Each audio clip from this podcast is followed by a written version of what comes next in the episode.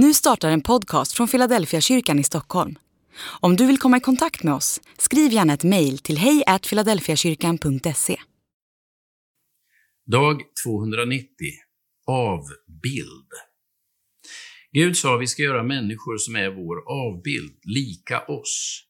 De ska härska över havets fiskar, himlens fåglar, boskapen, alla vilda djur och alla kräldjur som finns på jorden. Första Mosebok kapitel 1, vers 26.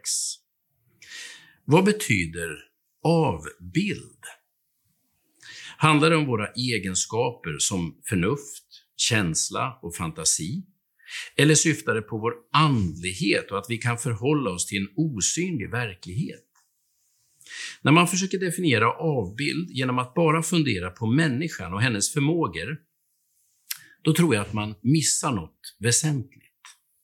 När Bibeln säger att Gud skapar människan till sin avbild, så är inte tanken att Gud liksom lämnar kvar en bild av sig själv för att sen kunna vara frånvarande och låta bilden representera hans närvaro.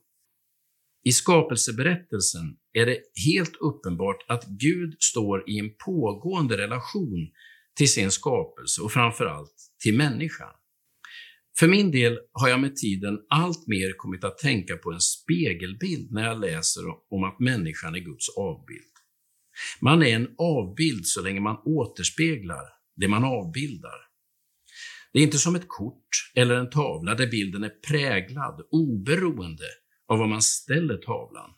Nej, en spegel avspeglar det som kommer i närheten. När Gud skapar människan till sin avbild så är det för att vi ska leva i relation till Gud. Det är Guds närvaro som ger oss vår identitet.